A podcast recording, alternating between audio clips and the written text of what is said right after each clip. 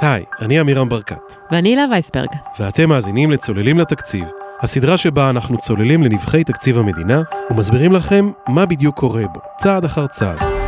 אנחנו כבר בפרק ה-12, קרובים מאוד ליום החג של אישור התקציב בכנסת, ממש בעוד כמה שבועות. אבל רגע לפני שזה קורה ואנחנו מוציאים את הקונפטי, כי היי, סוף סוף יש תקציב מדינה אחרי כמעט שנתיים, התכנסנו היום כדי לשאול שאלה חשובה, שאלה עקרונית, הייתי אומרת. כי לצד תקציב המדינה, הכנסת מאשרת גם את חוק ההסדרים, אותו מבול של רפורמות שדיברנו עליו בפרקים קודמים, רפורמות כמו העלאת גיל הפרישה לנשים, והרפורמה בחקלאות ובפנסיה, והשניים האלה, התקציב וחוק ההסדרים, הם באים ביחד.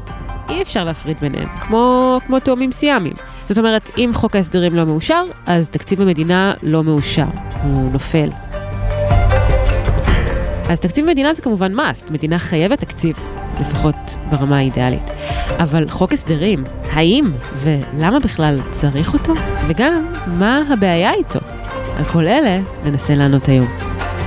דיברנו על זה עם אנשים שהיו בתפקידים בכירים מאוד במשרד האוצר. גל הרשקוביץ למשל היה ממונה לתקציבים.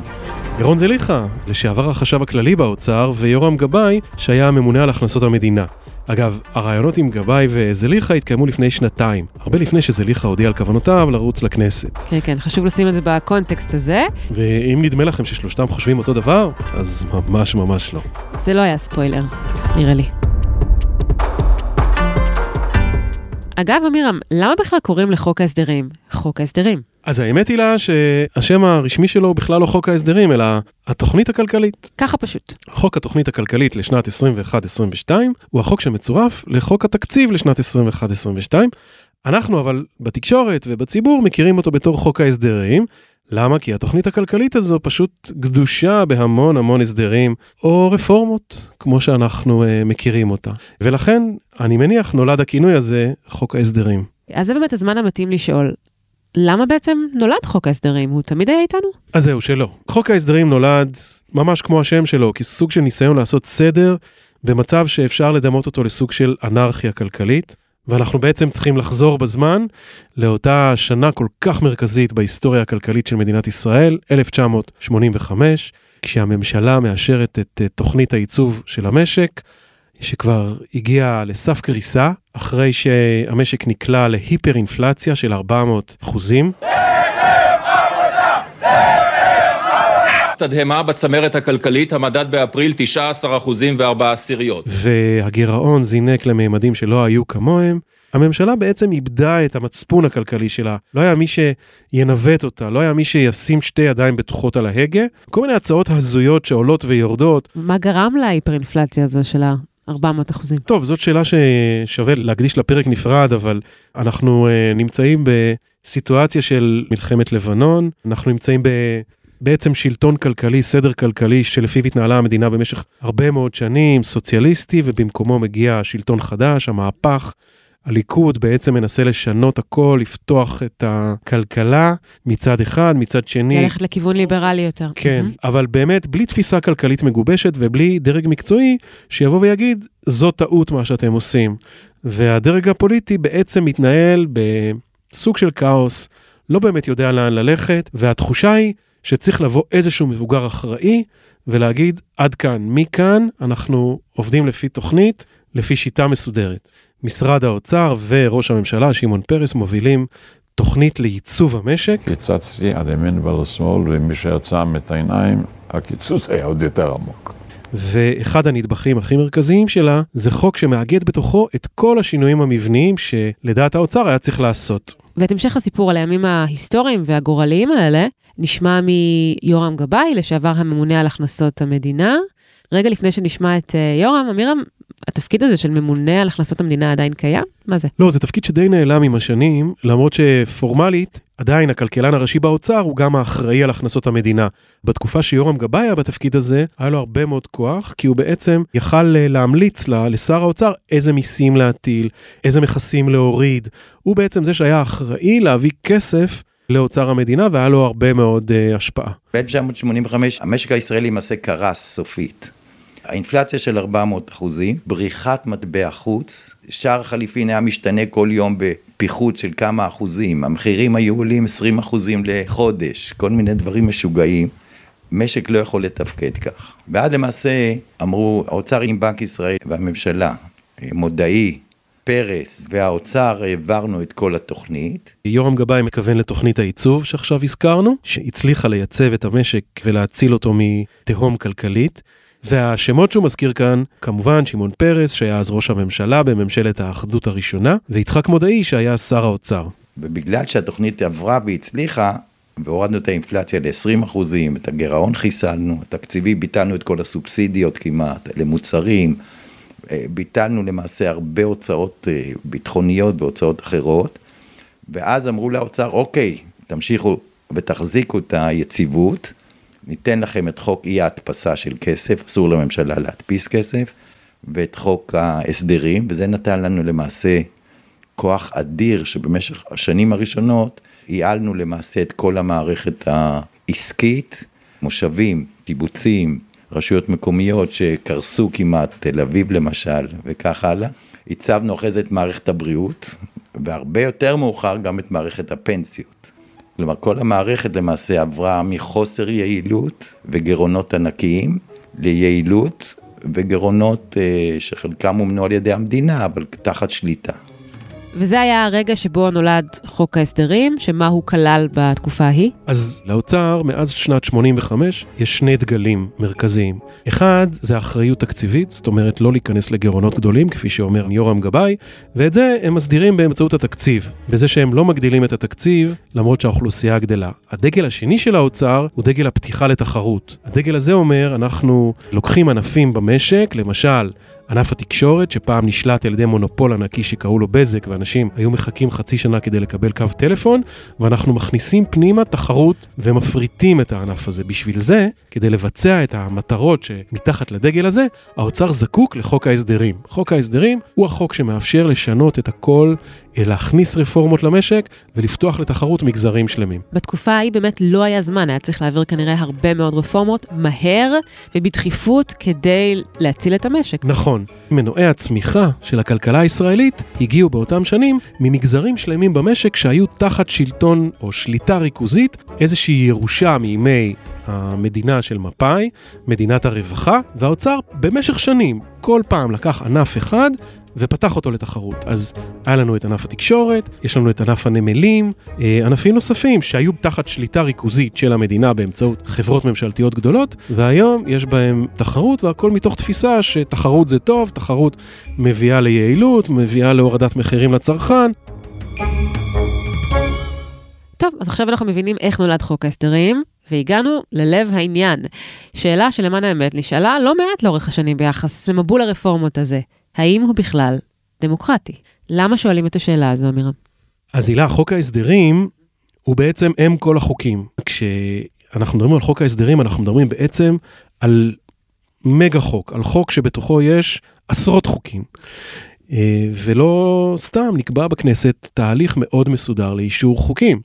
והתהליך הזה מבטיח שהכנסת וחברי הכנסת יבדקו כל חוק לגופו, יקראו סעיף סעיף, יש שלוש קריאות, באמצע יש ועדה, ומה שהאוצר עושה כאן זה פשוט תרגיל מטורף, כי בתוך חוק אחד, בבת אחת, הוא חוסך לעצמו 40 חוקים. תאורטית, לחברי הכנסת יש 1 חלקי 40 תשומת לב לכל אחד מהחוקים שבחוק ההסדרים. לעומת חוק רגיל, הם לא ממש מבינים על מה הם חותמים ועל מה הם מצביעים. כשהתכלית הדמוקרטית שנמצאת מאחורי העברה הרגילה של חוק, היא שיהיה זמן לדון, לחשוב, לשמוע התנגדויות, ובאמת להפעיל שיקול דעת עמוק ברמה האידיאלית, כדי לבחון את, ה... את החוק. גם זה, וגם הקשר הזה, הגורדי שיש בין חוק ההסדרים ובין התקציב, הוא סוג של אה, שוט על חברי הכנסת. הרי אנחנו יודעים שאם התקציב לא עובר, אז הכנסת מתפזרת ויש בחירות. אז בזה שהאוצר מצמיד את חוק ההסדרים לתקציב, הוא בעצם אה, אה, מכניס, מניח איזשהו אקדח על שולחנם של חברי הכנסת ואומר להם, אם החוק הזה לא עובר, אתם הולכים לבחירות. זה לחץ לא מתון שמופעל על נבחרי הציבור, כשאנחנו בכל זאת חיים במדינה דמוקרטית שיש בה הפרדת רשויות, והרשות המחוקקת היא לכאורה מעל הרשות המבצעת, ואמורה לבקר ולפקח על הפעילות שלה. ובהקשר הזה רצינו לתת דוגמה להצעת חוק שנפסלה בדיוק בגלל הסיבה הזו, כי לא היה מספיק זמן לדון בה כמו שצריך. נכון, אז רצינו לקחת אתכם לפרשה שעוררה בזמנו הרבה מאוד עניין ורעש ציבורי, ואנחנו מדברים על היוזמה של שר האוצר דאז, משה כחלון, להטיל מס על אה, כל מי שמחזיק בבעלותו יותר משתי דירות. זה היה ב-2016. נכון, קראו לזה אז מס דירה שלישית, למרות שהוא חל גם על דירה רביעית וחמישית ושישית, ויש מסתבר אלפי אנשים כאלה, ושר האוצר חשב שיהיה נכון למסות אותם גם כי זה יותר צודק, וגם כי זה יגרום להם למכור את הדירות שלהם, ואולי אה, יוביל בעקיפין גם לירידת מחירי הדיור. ומה קרה? אז אה, מכיוון שכחלון ידע שהחוק הזה צפוי לעורר הרבה מאוד התנגדות, והרבה אנשים שיש להם דירות ינסו הכל כדי למנוע את העברתו, הוא הצמיד אותו לחוק ההסדרים, מתוך מחשבה שרק כך הוא יצליח להעביר אותו בכנסת.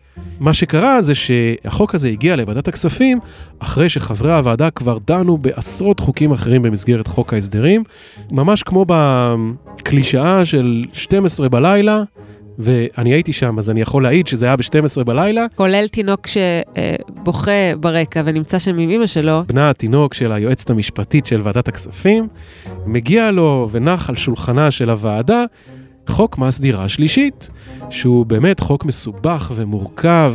איך אפשר שאתם מצפים מאיתנו שאנחנו יושבים ברציפות במשך 12 שעות אתם באמת חושבים שאפשר ככה לחוקק חוקים? לא. אני באמת חושב, בהמשך לדבריו של חבר הכנסת סעדי, האופן שבו החוק הזה יחוקק היום לא יוכל לעמוד במבחן בג"ץ. ההליך של הבג"ץ. לא, אני אומר... רגע, שנייה, סליחה. אני לא מכה בפטיש כי יש פה תינוקת ישנה, אבל אני מבקשת. אז שמענו קודם את חברי הכנסת אוסאמה סעדי, את בצלאל סמוטריץ', האיחוד הלאומי, ואת רחל עזריה, שהייתה במפלגתו של משה כחלון, כולנו. ועכשיו נשמע מה אומרת היועצת המשפטית של ועדת הכספים באותו זמן, עורכת הדין שגית אפיק, שכיום אגב היא היועצת המשפטית של הכנסת. אני חושבת שבדיונים בהצעת חוק ההסדרים הנוכחית אנחנו חזרנו 30 שנות אור לאחור. הדיונים כאן, במיוחד בימים האחרונים, היו דיונים מבישים. לא מסודרים. למעשה, אה, הנושא של דירה שלישית זה אחד הנושאים המרכזיים בהצעת חוק ההסדרים. אף על פי כן, אנחנו לא קיימנו בו דיון מעמיק ולו פעם אחת.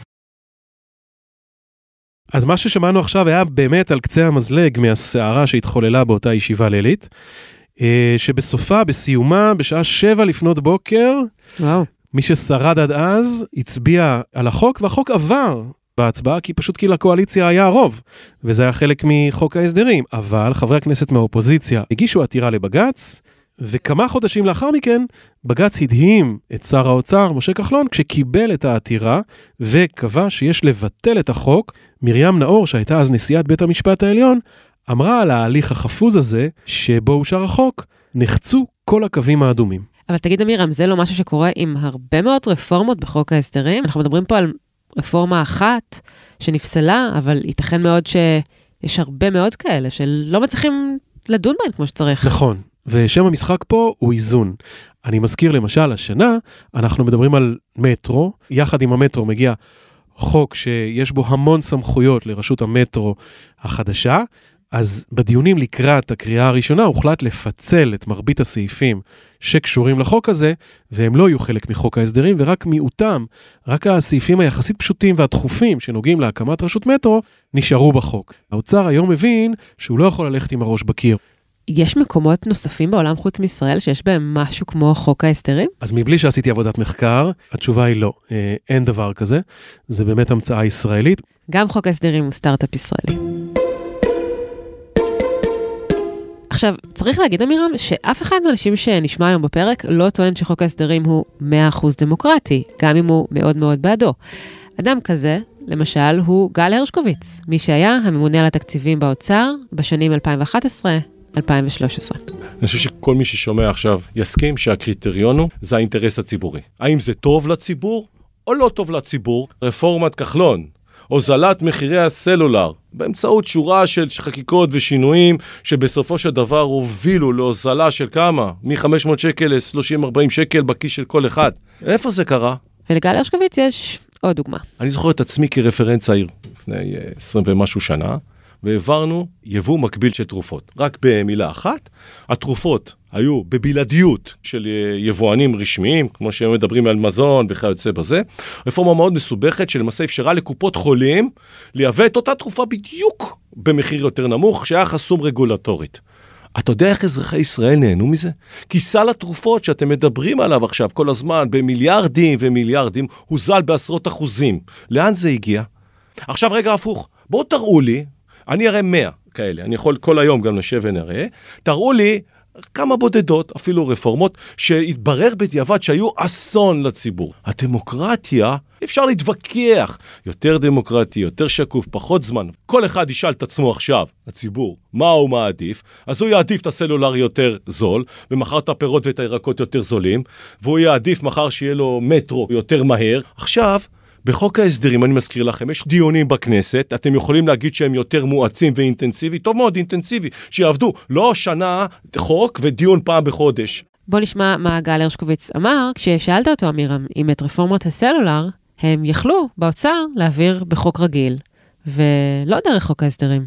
בשורה התחתונה, היכולת להעביר את זה כתוכנית קוהרנטית, לא איזה חוק שעומד בפני עצמו, כי זו תוכנית כלכלית, היא קשורה לתקציב, היא קשורה לכל המטרות, היא הרבה יותר גדולה. לכן אני לא יודע להגיד לך אם התשובה היא כן או לא, אבל מאוד יכול להיות שזה לא. ואז השורה התחתונה, שהיינו ממשיכים לשלם היום, אני כבר לא 500 שקל, אולי 800 שקל, והיינו מאוד דמוקרטיים. טוב, לא בדיוק הבנתי. למה אי אפשר היה להעביר את רפורמת הסלולר אה, שלא כחלק מחוק ההסדרים? בעצם הטענה של גל הרשקוביץ ושל האוצר היא שכשמעבירים חוק בהליך רגיל, הוא uh, חשוף ליותר מדי קבוצות לחץ וקבוצות אינטרס. והיכולת של האוצר להעביר חקיקה, כשהרבה פעמים חקיקה של רפורמה היא חקיקה שהיא פוגעת בהרבה בעלי אינטרסים רבי עוצמה, ומצד שני אין איזה שהם גורמים שדוחפים אותה בכל הכוח, החוק הרגיל לא יעבור. אבל כשזה בא כחלק מחוק ההסדרים, האוצר כן מסוגל להתמודד עם אותם קבוצות לחץ. אז גל הרשקוביץ, נוח לו להשתמש בדוגמאות כמו הסלולר, כי זה משהו שבאמת אה, הוזיל לכולנו את השימוש במכשירים הסלולריים, אבל את יודעת, הילה, בסוף בסוף הקריטריון העיקרי, הקריטריון המכריע בעיני האוצר, אני יודעת, אני יודעת. הם רוצים לעודד צמיחה. בול. אם הסיפור הוא צמיחת תעסוקה, פחות בירוקרטיה, יותר תשתיות, יותר... אז זה חייב להתחבר לשם. לא אוסף של דברים, אלא קוהרנטיות מבחינת הסיפור הכלכלי שעומד מעל. אז אם נחזור רגע ליורם גבאי, שמגיע בסופו של דבר מאותו בית מדרש של אה, גל הרשקוביץ, הוא חושב אחרת ממנו. הוא אומר, כן, חוק ההסדרים היה הכרחי פעם, אבל ממש לא עכשיו. חוק ההסדרים אה, הוא במידה רבה מיותר היום. כלומר, ברגע שהושלמו הרפורמות, הייתי אומר שכבר מסוף שנות התשעים, אחרי שפרשתי כבר מהאוצר, זה היה די מיותר. כי רוב הרפורמות כבר בוצעו ונשארו רפורמות מסוימות שאין אה, לחץ להפעיל אותן מיידית. לכן לדעתי חוק ההסדרים הוא היום מיותר, הוא סתם ניסיון עקיפה של הכנסת בצורה יעילה, לכן אין לו כבר מקום אמיתי. טוב, אלה דברים חריפים שיורם גבאי אומר. מה אתה חושב? בעצם מה שיורם גבאי אומר לנו זה שהאוצר עושה לעצמו חיים קלים עם חוק ההסדרים, ושאולי הגיע הזמן אה, לוותר על ההנחה הזאת ולהחזיר את האוצר למגרש המשחקים שבו הוא אה, שחקן ככל השחקנים. עוד בן אדם שמעניין לשמוע את דעתו בעניין שאלת הדמוקרטיות של חוק ההסדרים הוא פרופסור ירון זליכה, הוא היה החשב הכללי באוצר בשנים 2003-2007, והיום הוא ראש החוג לחשבונאות בקריאה האקדמית אונו, הוא גם, כידוע, רץ לפוליטיקה באחרונה, אבל הריאיון עמו התקיים לפני האפיזודה הזו. אתה, אמירם, שאלת אותו אם חוק ההסדרים בעצם מיותר. לא, אני לא חושב. אנחנו המדינה הכי ענייה במערב, ואנחנו נזקקים להכי הרבה רפורמות שנזקקת כל מדינה מערבית אחרת. לנו יש למעלה ממאה מונופולים. אין מדינה כזאת בעולם המערבי. כמעט אין מדינה כזאת בכלל. ואנחנו נדרשים לרפורמות מרחיקות לכת. והכלי של חוק ההסדרים הוא בהחלט כלי שמאפשר זאת. אבל רגע, זה לא הכל, יש גם טוויסט בתשובה של ירון זליכה. אבל הכלי לא עושים בו שימוש. את הרפורמות עושים על העסקים הקטנים, הצרכנים והשכירים. משרד האוצר הישראלי, אגף התקציבים הישראלי, חזק על חלשים וחלש על חזקים. ולכן לא הכלי, לא השיטה היא הבעיה. השותים הם הבעיה. אז בעצם זליכה קצת מפתיע אותנו, כי הוא נחשב אה, באוצר ל... היריב הגדול של אגף התקציבים, מי שהתנגד כל השנים לכוח המופרז של האגף הזה, אז אה, זליכה אומר לא, אני דווקא לא הייתי מוותר על הכלי הזה, פשוט הייתי משתמש בו אחרת.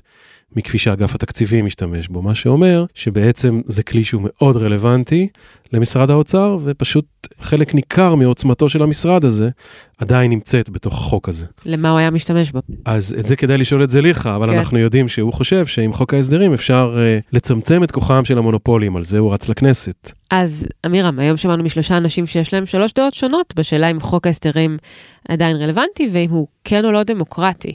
מה אתה חושב בעניין הזה, באופן אישי? וכמי שסיקר את uh, תחום האוצר הרבה מאוד שנים בגלובס. שאלה מצוינת, הילה. אני uh, חושב שאנחנו uh, מתפקידנו uh, למתוח ביקורת על החוק הזה ולהאיר את הצדדים הבעייתיים שיש בו. ויחד עם זאת, אנחנו uh, נמצאים היום במערכת שהיא לא מתפקדת uh, בצורה מלאה, בטח לא כשמדובר בחקיקה שהיא לטובת הכלל, ולאו דווקא מסיעה רווח פוליטי מיידי. ולכן, אני לא בטוח שיש תחליף לחוק ההסדרים. כל אותן רפורמות שעוברות היום במסגרת חוק ההסדרים, אלמלא היה אותו, לדעתי הם לא היו עוברות בכנסת. ההיתכנות של אה, להעביר את הרפורמות האלה היא מאוד מאוד נמוכה. אז את בעצם מביאה אותי אה, לשאלה שהיא קצת מלכוד. הייתי מאוד רוצה שחברי הכנסת יעבירו את החוקים גם אם הם לא משרתים את הצרכים המיידיים שלהם. אבל אני יודע מה יהיה המחיר של חזרה לשיטה הקודמת, גם אם היא נכונה יותר מבחינה דמוקרטית, אנחנו נמצא את עצמנו מהר מאוד חוזרים לאותה סיטואציה שהגענו אליה ב-85. כן, אתה חושב עד כדי כך? אני חושב שכן, גם היום. אז אתה קצת מסכים עם גל הרשקוביץ שמדובר ברע במיעוטו. צריך להביא בחשבון שהחוק הזה גם ככה, כוחו מתכרסם. אנחנו צריכים לחשוב על חלופה מאוד מוצלחת לפני שנוותר עליו.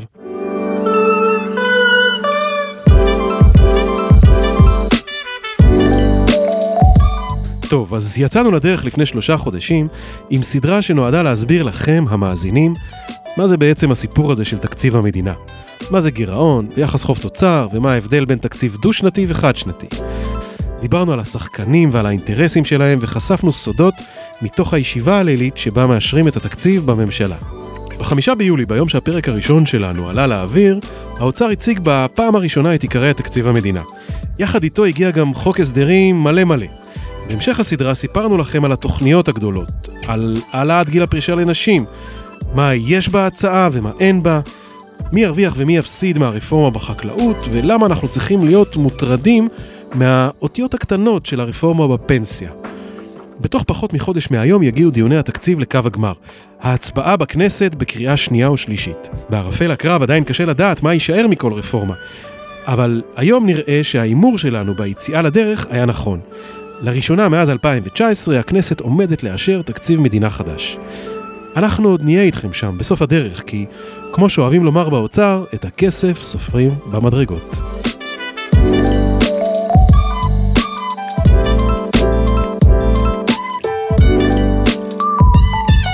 עד כאן עוד פרק של צוללים לתקציב.